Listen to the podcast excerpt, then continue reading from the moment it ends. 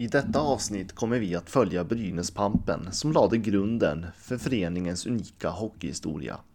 Men innan vi börjar vill jag bara påminna er om att gilla Brynäspodden på Facebook och följ gärna vår Twitterkanal Brynäspodden.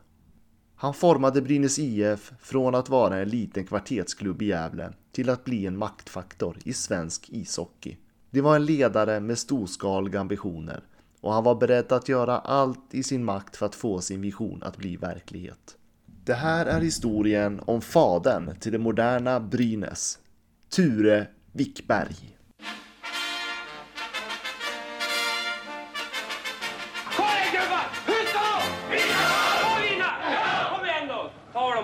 Rätt upp och ner bara. 1943 stod världen i ett brinnande världskrig. Tack vare att flera lag i Gävle och i övriga Sverige hade förlorat spelare som skickades ut i ungdomstjänst lyckades Brynäs att avancera sig från division 2 upp till division 1. Det gjorde Brynäs till det första lag i Sverige utanför Stockholmsregionerna att spela i den högsta serien. I premiären säsongen därefter ställdes Brynäs mot Hammarby på bortaplan och åkte på stryk med hela 14-1. De lokala klubbarna i Gävle hånade därför Brynäs med smeknamnet I14, vilket var namnet på Gävles regemente. Brynäs åkte ut ur den högsta divisionen lika snabbt som man åkte upp och det skulle dröja bra länge innan man gjorde något större väsen av sig igen i svensk hockeys finrum. Under samma period i Stockholm studerade en ung Sandviksbo till ingenjör. Han hade tidigare spelat fotboll i Sandviken och höll även på med sporter som handboll och bandy. Och under hans studier i Stockholm hade han spelat i självaste Djurgårdens IF. Den då 27-årige Ture Wickberg hade nu planer på att återvända hem till Gästrikland. En av anledningarna till detta var att han tillsammans med en kompis vid namn Sven Kedbrant skulle öppna byrå hemma i Gävle. Att Brynäs fick nys om detta berodde på att Evert Westerberg och Herbert Pettersson, som båda spelade hockey, fotboll och handboll för Brynäs IF, hade lärt känna Ture Wickberg när de gjorde militärtjänst i Gävle regemente på I14. De tyckte att man skulle ta in Wickberg, en sådan meriterad spelare från Djurgården, till Brynäs IF. Men Nils Norin, som var ordförande för Brynäs vid den här tiden, var mer skeptisk. Anledningen var att Brynäs var en kvartersklubb och värvade de flesta av sina spelare från kvarteren uppe på Brynäs. Att värva spelare utanför, det var sånt som Stockholmsklubbarna sysslade med. Men ryktena om Wickbergs ankomst till Gävle hade spridit sig över staden och Brynäs var förstås inte ensam om att vilja ha Ture med i sin förening. En mer förmögen klubb, IFK Gävle, var också intresserade. IFK hade ju nu efter krigstiden fått ihop en ny grupp med duktiga bollspelare. Klubben skulle satsa på både handboll och fotboll med ambitionen att gå långt upp i Sveriges divisioner. Och detta passade ju en idrottare som Ture Wickberg utmärkt. Dessutom kunde IFK erbjuda mycket mer än vad Brynäs kunde. Och det fanns till och med ett muntligt avtal mellan Wickberg och IFK att han skulle spela för dem. Men att skriva på själva kontraktet, det var något som Wickberg ville avvakta med. Anledningen till det var att den nya firman som skulle startas upp det var ju mycket jobb med att anställa nytt och duktigt folk och gå igenom alla inventarier. Det var inte så bråttom att skriva på för en ny klubb. Istället lät Wickberg det välskrivna kontraktet med IFK Gävle ligga i en låda under hans skrivbord tills vidare. Och tur var väl det. För en dag så stötte Wickberg på sin gamla lumparvän Evert Westerberg. Wickberg berättade då för honom att han tänkte skriva på för IFK. Westerberg ska då ha konfronterat med IFK? Nej, det är klart du ska spela för Brynäs. För något direkt klubbhjärta i Gävle hade ju inte Ture Wickberg vid den här tiden. Han ville bara hitta ett lag att spela för. Och det påstås att Evert Westberg lyckades övertala Wickberg. Men i en intervju med Hockeysverige.se berättar sonen Håkan Wickberg om hur hans pappa ansåg att IFK och Gävle IF var societetsklubbar. Ture Wickberg kom ju själv från en vanlig arbetarfamilj och ansåg därför att Brynäs skulle passa honom mycket bättre. Och kanske var Ture Wickberg den viktigaste värvningen som någonsin har gjorts i Brynäs IF historia.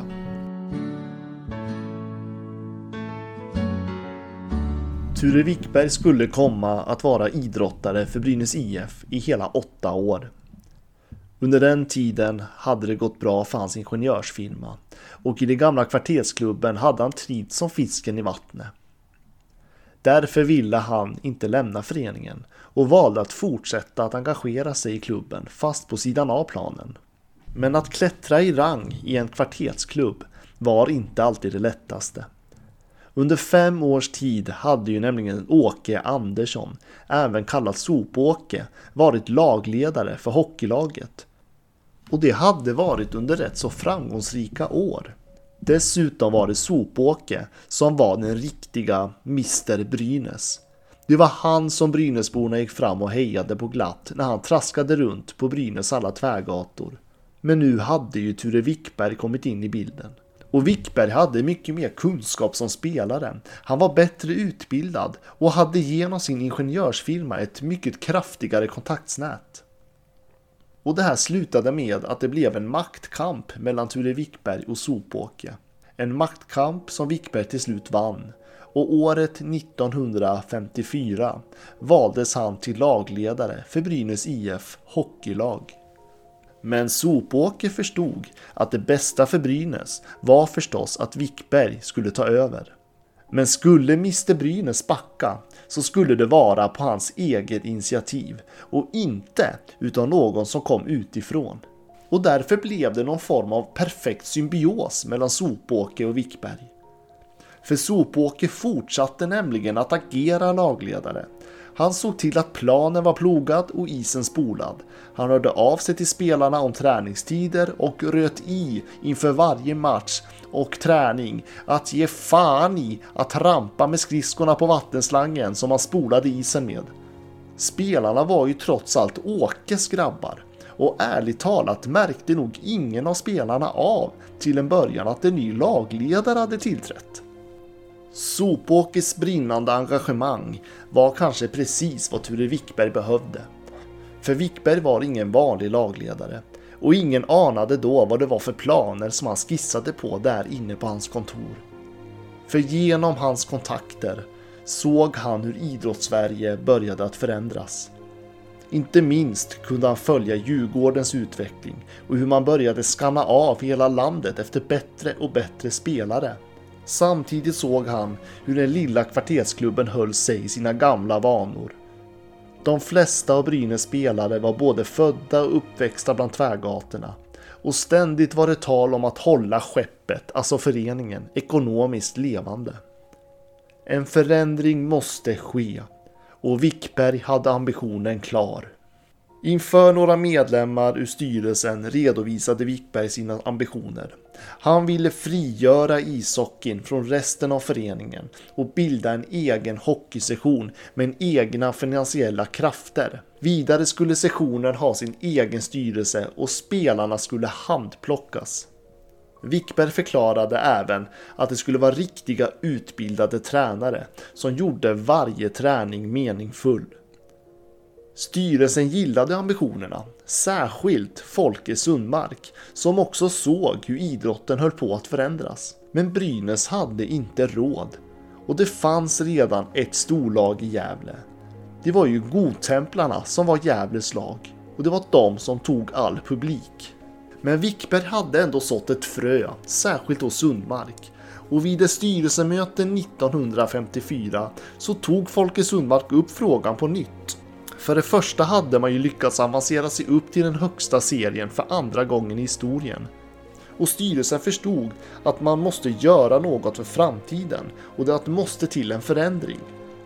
Så kanske hade den där Wickberg en poäng i alla fall. För man förstod att Brynäs stod i skuggan av storlaget Gävle Godtemplare. Men Folke Sundmark försökte ändå få styrelsen att lyssna på Wickberg. För trots allt spelade Brynäs där och då i samma serie som självaste Godtemplarna. Så varför skulle inte Brynäs också kunna skaffa sig bättre förutsättningar? Och därför var Folke beredd att ge Ture Wickberg fria händer till att bygga upp en ny modern organisation. Men kassören Jan Andersson, han rynkade på pannan. Andersson menade på att Brynäs var, trots en liten ekonomi, en stabil kvartetsklubb som fanns med och utmanade de stora lagen. Dessutom kunde man erbjuda ungdomarna som växte upp på Brynäs en bra hobby. Så varför skulle man riskera något av detta för en dyr idé som inte hade några garantier? Men Folke Sundmark, han visste att allt hänger ihop. Ska man bli bäst på plan så måste man också ha en organisation runt omkring laget som är byggt för framgångarna. Man tänkte redan då, precis som vi pratar i dagens Brynäs. Styrelsesekreteraren Sture Öyving höll till slut med Folke. Öyving var egentligen ingen idrottsmänniska till den grad att han tidigare var engagerad inom idrotten. Men han hade halkat in i styrelsen genom långvarig relation mellan honom och Brynäs IF. För när Brynäsgrabbarna skulle få medaljer eller någon pokal för deltagande var det till Öyving som klubben hade vänt sig till. Öyving som företagare förstod även han att Ture hade bra kontakter med drivande folk, särskilt inom byggbranschen. Och att ha lite affärsfolk i föreningen kanske inte skulle vara så dumt trots allt. För tänk om företagen vack idag skulle aktivt gå in och sponsra Brynäs ekonomiskt. Med den kittlande tanken kunde Öyving och Folke Sundmark säkerligen locka sig till sig resten av styrelsen. Men Brynäs andra sejour i den högsta serien blev lite av en déjà vu-känsla. Återigen skulle man möta Hammarby och man torskade med hela 12-0 i premiären. Och istället för att håna Brynäs med namnet I14 som det blev första gången man var i den högsta serien så döpte man nu Brynäs till Tolfors. Och Brynäs åkte ner igen lika snabbt från den högsta divisionen den här gången också.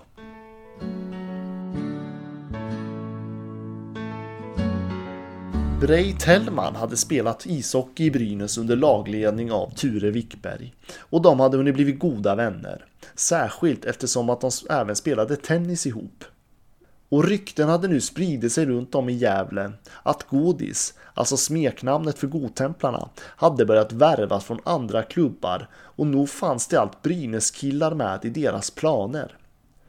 Breit var oroad över att detta skulle bli kaos om alla klubbar i Gävle plötsligt skulle börja ta från varandra. För Gävle vid den här tiden hade flera storlag. Strömsbro IF och Godtemplarna samt Brynäs är kanske de lag man pratar mest om idag. Men det fanns även IK Huge som kom att spela i tre säsonger i den högsta serien. Så rivaliteten klubbarna emellan i Gävle var väldigt stor. Och Breit var som sagt orolig för att klubbarna skulle börja ta spelare av varandra. Och han krävde att det skulle bli någon sorts avtal. Och Ture höll med honom i det här. Och han tog faktiskt frågan vidare till Brynäs styrelse. Och Brynäs lyfte fram frågan till övriga klubbar, men man gjorde sen inget större väsen av sig efteråt. Och det fanns förstås en anledning. För plötsligt kunde Gävleborna i samband med morgonkaffet läsa i Gävle Dagblad att både Gösta Westerlund och Gert Blomé hade lämnat storsatsande Strömsbro IF för att istället spela med Brynäs. Och detta fick Strömsbro att gå i taket. Snabbt som attan krävde rallarborna att både Godtemplarna och Brynäs skulle skriva på det här avtalet att ingen klubb i Gävle tar spelare av varandra. Och godtemplarnas starke man, Gotte Lindberg, var förstås tveksam till detta. Det gick ju bra för godtemplarna som var Gävles största klubb. Men till slut skrev även han på, liksom Folke Sundmark som signerade i avtalet för Brynäs räkning. Och Ture Wickberg hade nu planer på att överge Brynäs IF. Anledningen var att han kände själv hur hans engagemang i föreningen gick ut över firman. Trots att hans kompanjon Sven Kedbrand sa att Wickberg inte behövde oroa sig om det, så kände Wickberg att han inte kunde svika sin partner. Dessutom kände han sig något motarbetat av styrelsen i Brynäs. Hans ambitioner var högre än vad styrelsen kunde gå med på. Wickberg deklarerade därför till Folke Sundmark att nu får Brynäs leta efter en ny lagledare. Nu var det slut. Men bara tre veckor senare. En som skulle blivit en helt vanlig dag på Kedbrand och Wickbergs arkitektkontor. Rusade in en ursinnig Ture Wickberg. Han brände igen porten och vidare så smällde han igen dörren till hans kontor så hårt att fönstret på dörrrutan nästan lossnade. Och inne på kontoret kunde hela byggnaden höra den ursinniga Ture Wickberg. Nu jävlar Sven! Nu jävlar! Nu jävlar! Nu jävlar är det krig, det säger jag! Nu har de skitit i det blå skåpet! Nu är det krig! Och anledningen till detta ursinniga vredesvrål var förstås att Gotte Lindberg hade signat Gösta Westerlund och Gert Blomé från Brynäs till Godtemplarna. Gävle Godtemplare idrottsförening hade alltså brutit mot överenskommelsen. Sven Kedbrand ville förstås inte att hela firman skulle gå sönder den här dagen och svarade därför med att det är nog bäst att Wickberg går tillbaka till Brynäs. Och så blev det. Ture Wickberg gick genast tillbaka till sin kvartetsklubb. Kriget hade ju börjat. Brynäs svarade enligt Brynäshistorikern Ulf Kriström upp med att värva in Gunnar Kulan Söderblom från Godtemplarna. Men i jämförelse med vad man förlorade var det förstås en förlust för brynäsarna. Och Strömsbro kunde därmed bara se glatt på medan deras rivaler bråkade och anklagade varandra för det ena och det andra.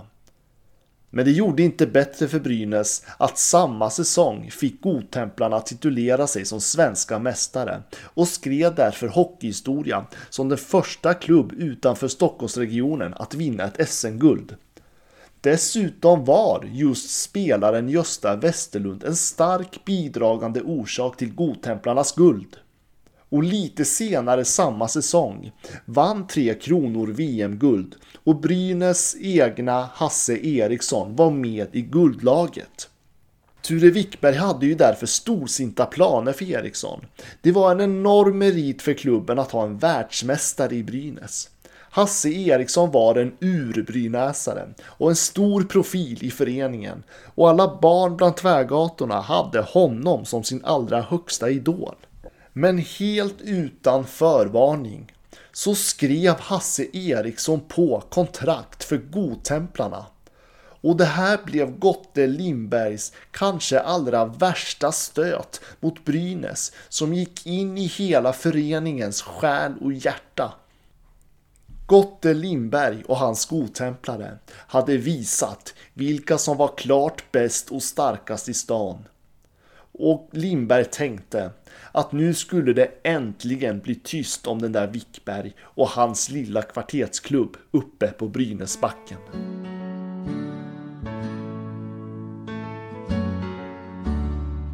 Många trodde nog att nu var Brynäs självförtroende rejält sargat.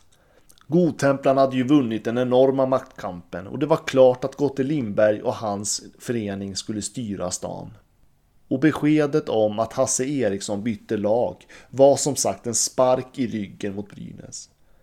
Men de som trodde att Ture Wickberg var någon som gav sig så lätt hade fruktansvärt fel. För Wickberg, han var på krigsstigen och samlade därför ihop styrelsen. Där berättade han bestämt och tydligt att han tänker inte ge sig för den dagen då Brynäs är Gävles bästa lag.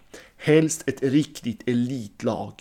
Men det går inte att åstadkomma om inte organisationen förändras. Och vilka som skulle tillhöra den nya styrelsen för hockeysessionen, det hade Wickberg redan gjort klart. Han tog fram en lista med namn som Henry Jansson, Lennart Jansson, Rolf Löfqvist och så skulle han övertala Brej Tellman att sluta spela hockey. Ture Wickberg såg andra kvalifikationer hos Breit som Brynäs behövde mycket mer. Och den här gången så gav styrelsen med Folke Sundmark, Sture Öyving och de andra sig vika. De gav Ture Wickberg rollen som ordförande för styrelsen över hockeysektionen. Det var dags att ge Wickberg de fria tyglarna som han behövde. Och det var nu som Ture Wickberg bokstavligen hade tagit över hela hockeysessionen inom Brynäs IF. Och vad gör man inte i tider i motgång? Jo, man samlar ihop sina mannar. Från mötet åkte Ture Wickberg direkt hem till Sopåke. Nyheten om Hasse Erikssons flytt hade tagit hårt på stackars Åke. Sopåke hade ju följt Hasse Eriksson under hela Hasses uppväxt. Han hade ju blivit som en son för Åke. Och Åke säger till Ture jag klarar inte att tänka mig honom i ett annat lag som Godtemplarna. Och Wickberg förklarade för Åke att han var lika förbannad över nyheten. Men sedan berättade han vad som precis hade hänt och hur Brynäs IF nu skulle bilda en helt ny organisation. Och i den organisationen så behövde Wickberg Sopåke för att någon behövde ju ta hand om juniorerna. Och Sopåke hade ju ett hjärta för Brynäs och han var med på Wickbergs planer. Och senare samma kväll besökte Ture Wickberg Breit Hellman. Och där ska han enligt Ulf Kriström ha sagt följande. Du är 21 år nu och kommer aldrig att bli en stjärna i division 1. Det är ditt beslut men jag vill att du slutar spela hockey och hjälper till i organisationen istället. Slutcitat. Breit Hellman blev förstås överrumplad. Men Wickberg förklarade att han ville ha Breit som lagledare och tillsammans skulle de två bilda en duo när det kom till spelarrekryteringar. Och var det något som Wickberg hade en talang så var det hans övertalningsförmåga. Och Breit Hellman gick med på Wickbergs planer och slutade därför att spela hockey. Ture Wickberg visste att de stora rika lagen i Stockholm som Djurgården, Hammarby och AIK roffade åt sig varje talang som gick att hitta runt i Stockholmsregionen och södra delarna av Sverige. Det var lönlöst att ens försöka sig på att konkurrera mot de stora krafterna. Men Wickberg visste lika väl att de stora klubbarna runt huvudstaden inte brydde sig om vad som hände norr om Dalälven. Därför var strategin glasklar. Brynäs skulle fästa blicken mot Norrland och Mellansverige.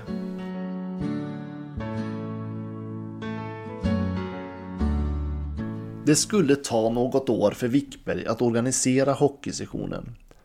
Men Brynäs blev gradvis bättre och bättre och säsongen 1959-60 lyckades man att avancera sig upp från den andra divisionen till den första. Vid ett styrelsemöte samma år deklarerade Wickberg för styrelsen att organisationen var nu redo att ta nästa steg och att om fem år skulle Brynäs vara bäst i Sverige. Men inför den här säsongen var självförtroendet hos styrelsen inte detsamma som hos Wickberg.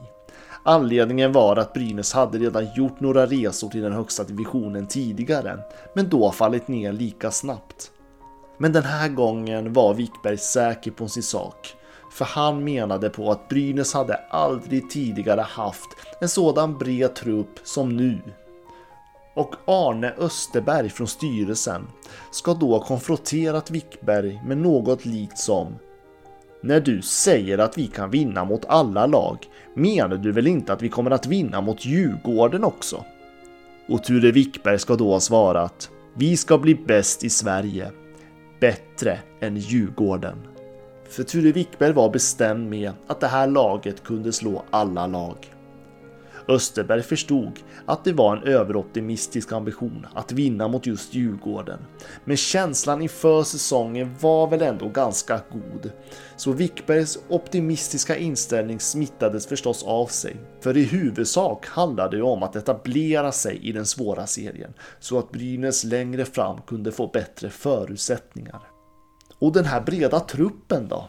Den var ung och oerfaren, men samtidigt oerhört talangfull. Av alla Brynäs 11 nyförvärv inför säsongen, varav tre av dem var från egna produkter som Sopåke hade lyckats fått fram, låg medelåldern på 19 år. Och det var många namn vi känner till än idag. Bland annat Håkan Wickberg, Lars-Åke Sivesson och så målvakten Hasse Dahlöf. Forwarden Ove Larsson var bara 15 år i sin debut och Kjell Larsson från Varpen var endast 16 år.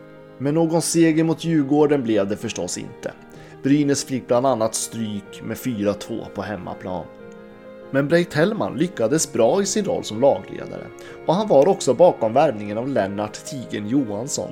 Ture Wickberg såg ganska tidigt Breits stora potential och valde då att ge honom rollen som värvningsansvarig lite som dagens sportchefer. Och istället fick Bosse Hessel jobbet som lagledare. Och det var nu som det började hända grejer i Brynäs. Den 14 november 1962 besegrade Brynäs till slut Djurgården på hemmaplan inför 8655 Gävlebor. Och segern ekade över Gävle. Brynäsborna jublade och alla lokala konkurrenter började långsamt att vrida på sig. För hade Ture Wickberg lyckats? Och framgångarna, de väntade inte på sig. Den 25 november kom Västra Frölunda och nu ville Gävleborna se det här nya Brynäs. 9096 åskådare kom och pengarna flödade in i Brynäs klubbkassa. Enligt Ulf Kriström var kassören Lennart Jansson så till sig så när en fotograf från Gävle Dagblad bad honom att kasta sedlarna upp i luften så gjorde han det. Men det här imponerade inte på Ture Wickberg. För i Brynäs talar man inte öppet om pengar. Särskilt inte i media.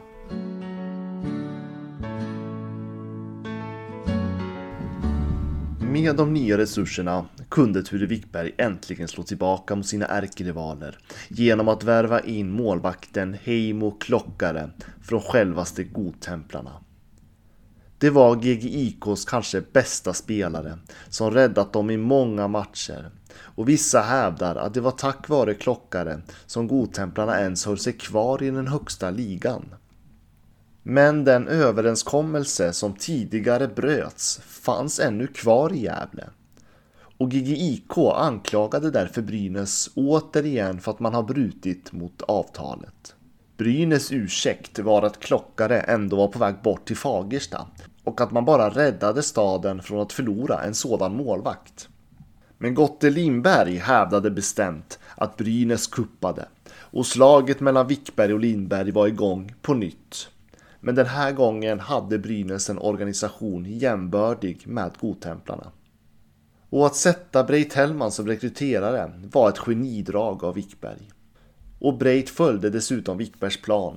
I Norrland fanns det talang. Flera spelare i Mellansverige och norra Norrland värvades in. Bland annat den största av dem alla, Tord Lundström. Inför säsongen 1963-64 bestod Wickbergs grabbar av spelare som målvakten Hans Dahlöf, Heimo Klockare, Håkan Wickberg, Tord Lundström, Jan-Erik Lyck, Hans Sjöberg, Lennart Johansson. Flera namn vi känner igen än idag. Och man vann den första omgången hemma mot Västerås med hela 14-1. Och efter grundspelets slut hamnade Brynäs tvåa i den södra divisionen efter Västra Frölunda. Under SM-slutspelet mötte Brynäs sin andra ärkerival Strömsbro och vann den matchen med 3-1. Och man vann sedan mot Frölunda med 10-2.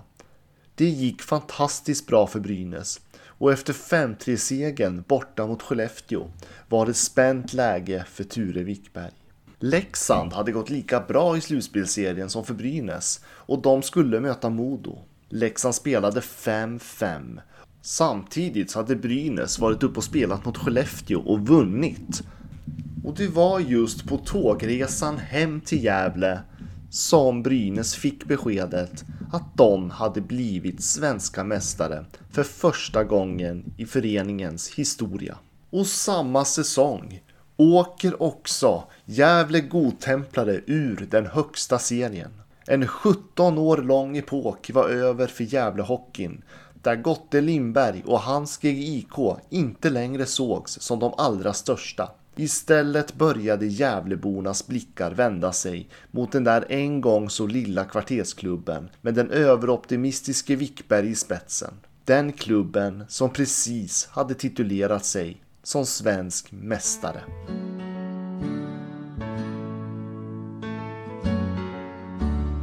Ture Wickberg var en visionär. Han hade nu en stark organisation och hans Brynäs hade blivit en stormakt i svensk hockey. För SM-guldet 1964 är som vi alla vet långt ifrån det sista. Lika mån som han var för att Brynäs som förening skulle ständigt växa och bli bättre var han också mån om alla människor som fanns runt omkring och engagerade sig för föreningen. Det var ofta som Ture Wickberg åkte hem till spelarna. Särskilt på lördagarna då det var varken jobb, träningar eller matcher. Med en påse bullar och bad om en kopp kaffe. Och vid de stunderna frågade han ofta hur de trivdes på jobbet och i klubben, om de behövde hjälp med något och om de hade tankar kring hur laget skulle bli bättre. Många spelare har i efterhand beskrivit hur Wickberg blev som en extra pappa för dem. Särskilt för alla spelare som från början inte var från Gävle. Behövdes någonting fixas, då ringde man Ture. Behövde man hjälp med arbete, då kontaktade man Ture. Var något på tok, vad det än handlade om, ja, då hörde man av sig till Ture.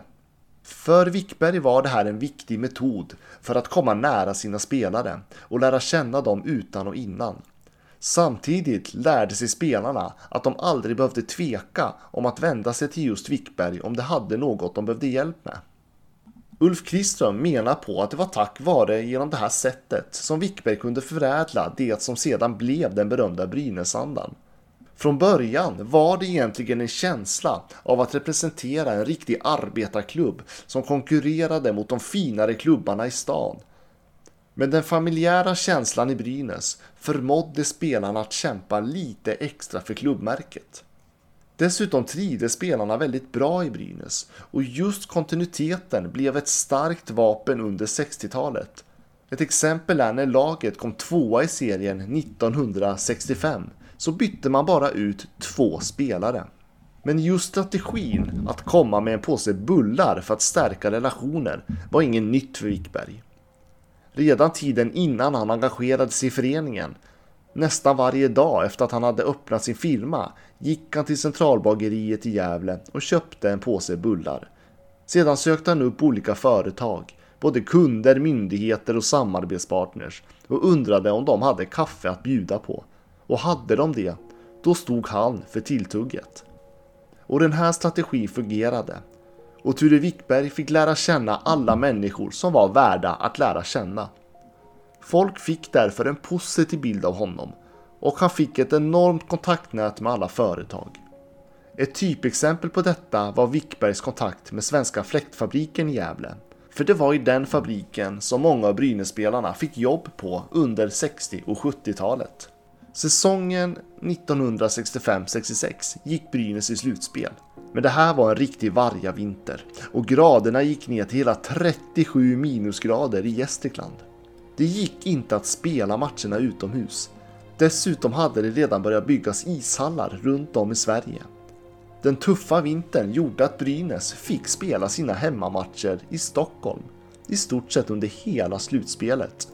Detta gjorde ju förstås Gävleborna rasande för varför hade till och med Leksand och Övik ishallar men inte hockeyns huvudstad Gävle? Och Brynäs vann SM-guldet 1966. Och det gjorde ju förstås att processen med en ishall plötsligt blev skyndsamt. En ishall i Gävle handlade om en investering på 5 miljoner kronor. I våra dagar kan man få en stor villa för de pengarna, eller en fina lägenhet i storstäder som till exempel Stockholm. Men 1966 var 5 miljoner kronor en avskräckande stor summa. Gävleborgs Sparbank insåg dock att marknadsvärdet i projektet och ledde därför processen. Och tillsammans med Folksam såg man till att det fanns ett lån. Men det behövdes då samla in en miljon kronor.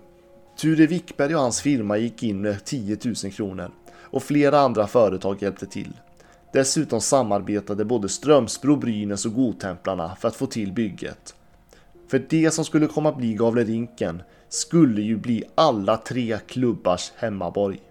Den 28 september 1967 stod arenan klar och på den tiden fick det plats med 9062 åskådare i arenan och bara 3200 av dessa var sittplatser.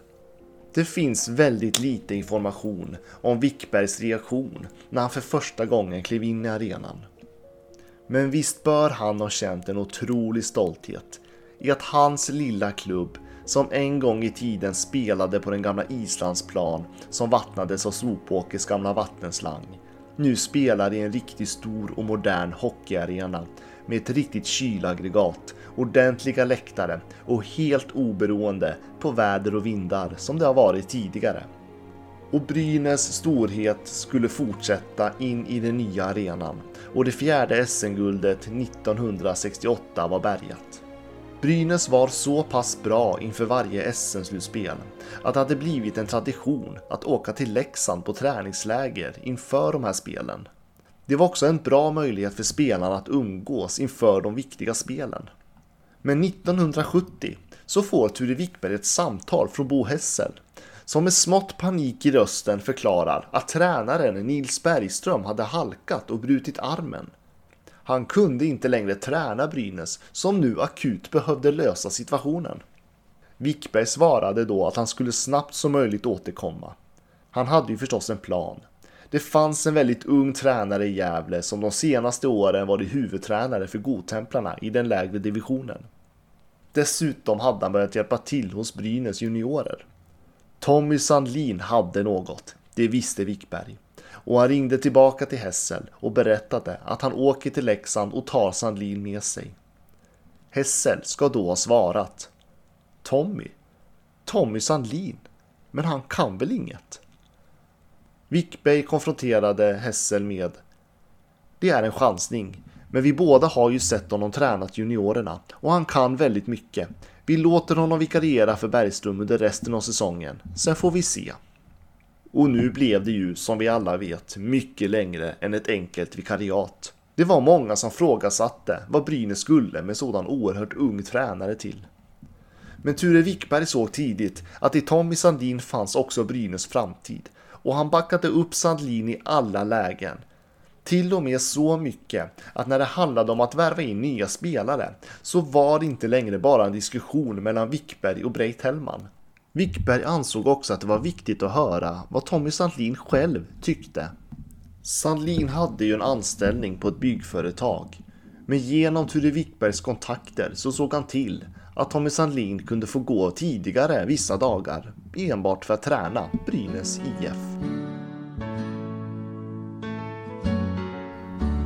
Säsongen 1973-74 var en speciell säsong. Inte nog med hade Ture Wickberg bestämt att Lennart Tigen Johansson skulle gå in som assisterande tränare åt Tommy Sandlin. Wickberg visste ju pass dessa två var eniga med varandra om det mesta kring hur Brynäs skulle tränas. Vidare hade också Bo Hessel året innan hoppat av som lagledare. För det var nu som lagledarna försvann från elithockeyn och tränarna fick istället ta mycket mer ansvar.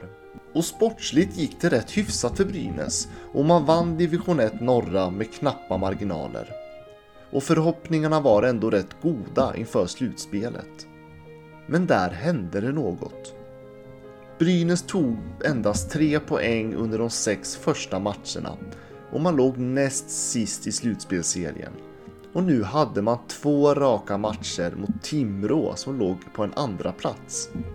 Brynäs var förstås tippade att förlora eftersom att Timrå hittills gjort en gedigen insats och hade allt att vinna i dubbelmötet mot Gävlelaget. Den första matchen blev jämn in i det sista och tack vare att Håkan Wickberg gjorde 8-7 målet när det bara var 10 sekunder kvar lyckades Brynäs att vinna matchen. Och i returmötet hemma i Gavlerinken den 17 januari 1974 körde Brynäs enkelt över Timrå med hela 7-3. Nu stod Brynäs i ett läge med endast fyra poäng som skilde dem åt från Leksand som låg etta. Och Ture Wickberg kände på sig att nu har det Brynäs alla väntat på vaknat till liv. Nu hade de hittat vägarna att vinna. Och han log brett när han gick upp för trapporna för att möta radio, tidningar och TV efter denna makalösa återhämtning. När han väl skulle kliva in i pressrummet så började han att må illa och stapplade därför in i en av de närmsta toaletterna intill mörkrummet där Gefle Dagblads Leif Gärdeberg framkallade bilder från matchen. Leif hörde ett underligt ljud och när han gick in för att titta vad det var som hade hänt så såg han Ture Wickberg liggandes på golvet. Snabbt ringde man på ambulans samtidigt som man ropade efter Brynäs lagläkare Hennart Hovelius. Vård insattes med detsamma, men Ture Wickbergs liv gick inte att rädda. Han hade åkt på en kraftig hjärtattack och han blev bara 55 år gammal.